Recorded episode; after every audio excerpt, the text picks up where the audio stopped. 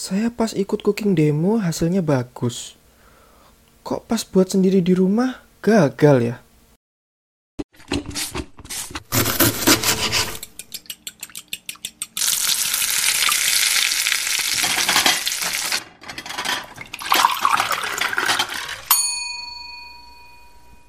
Hello food lovers, selamat datang di podcast Secret Recipe.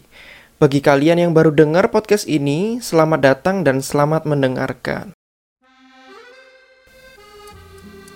Seringkali saya dapat cerita dari teman, temannya mama dan bahkan mama sendiri. Pas cooking demo, hasil makanannya tuh bagus-bagus. Eh, dicoba sendiri dibuat di rumah, kok gagal ya?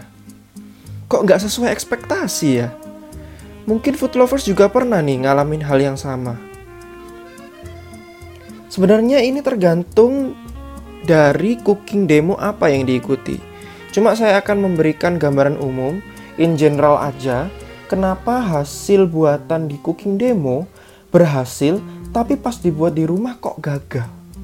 Yang pertama adalah, yang ini sangat krusial banget nih tapi jarang kita perhatikan dan terkadang chef demonya juga lupa atau nggak ngasih tahu secara detail, yaitu teknik.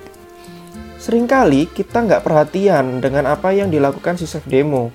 Contohnya dengan cara mengaduk. Kalau kita buat sponge cake, kita nggak bisa tuh asal nggak nyampur hasil kocokan telur dengan bahan lainnya sembarangan. Hasilnya pasti turun dia atau cara menuang mentega cair yang harus di satu titik agar kocokan putih telur itu nggak kempes.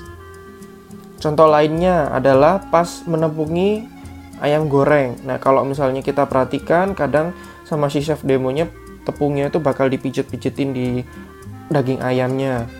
Contoh lainnya lagi, cara menguleni adonan, cara menggoreng, cara melipat adonan, dan banyak lainnya. Nah, hal-hal seperti ini yang harus food lovers tanyakan detail ke chef demonya. Kenapa begini, kenapa begitu. Food lovers harus jeli dengan apa yang dilakukan si chef demo setiap step by stepnya.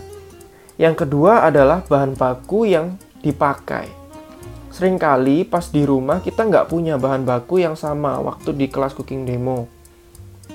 Itu juga hasilnya akan beda dari dari bentuk, kadang juga dari rasa perbedaan di sini itu bisa berasal dari merek atau juga dari jenis. Contohnya nih, coklat, mereknya beda, jenisnya beda, hasilnya pun juga beda.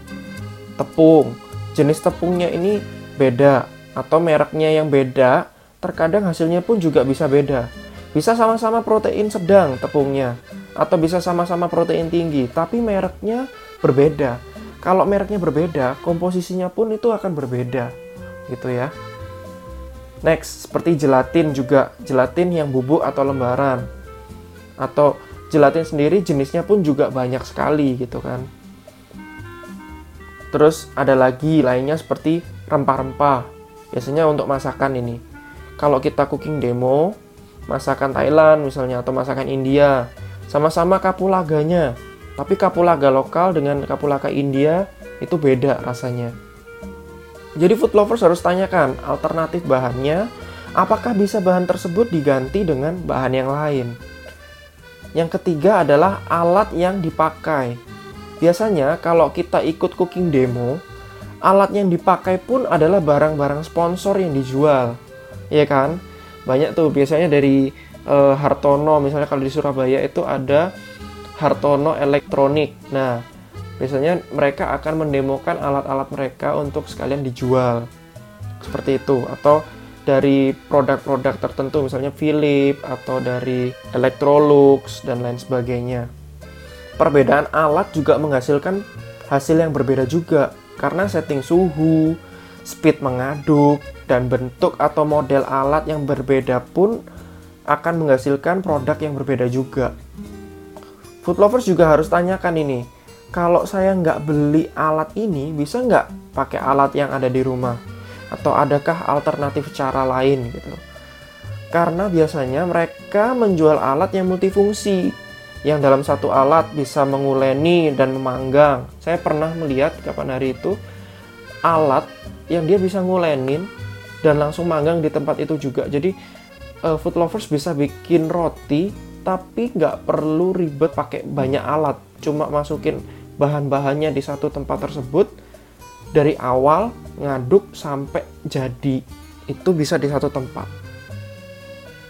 Atau biasanya alat lainnya tuh kayak multifungsi lainnya seperti alat yang bisa menggoreng, merebus, dan mengukus dalam satu tempat. Itu poin-poin yang penting yang food lovers harus perhatiin ketika ikut cooking demo. Oke, sekian podcast saya hari ini. Jangan lupa follow dan terus dengerin podcast ini dan share ke teman-teman kalian kalau kamu merasa podcast ini bermanfaat. Akhir kata, saya Aldo, saya undur diri. See you on the next podcast. Chop chop.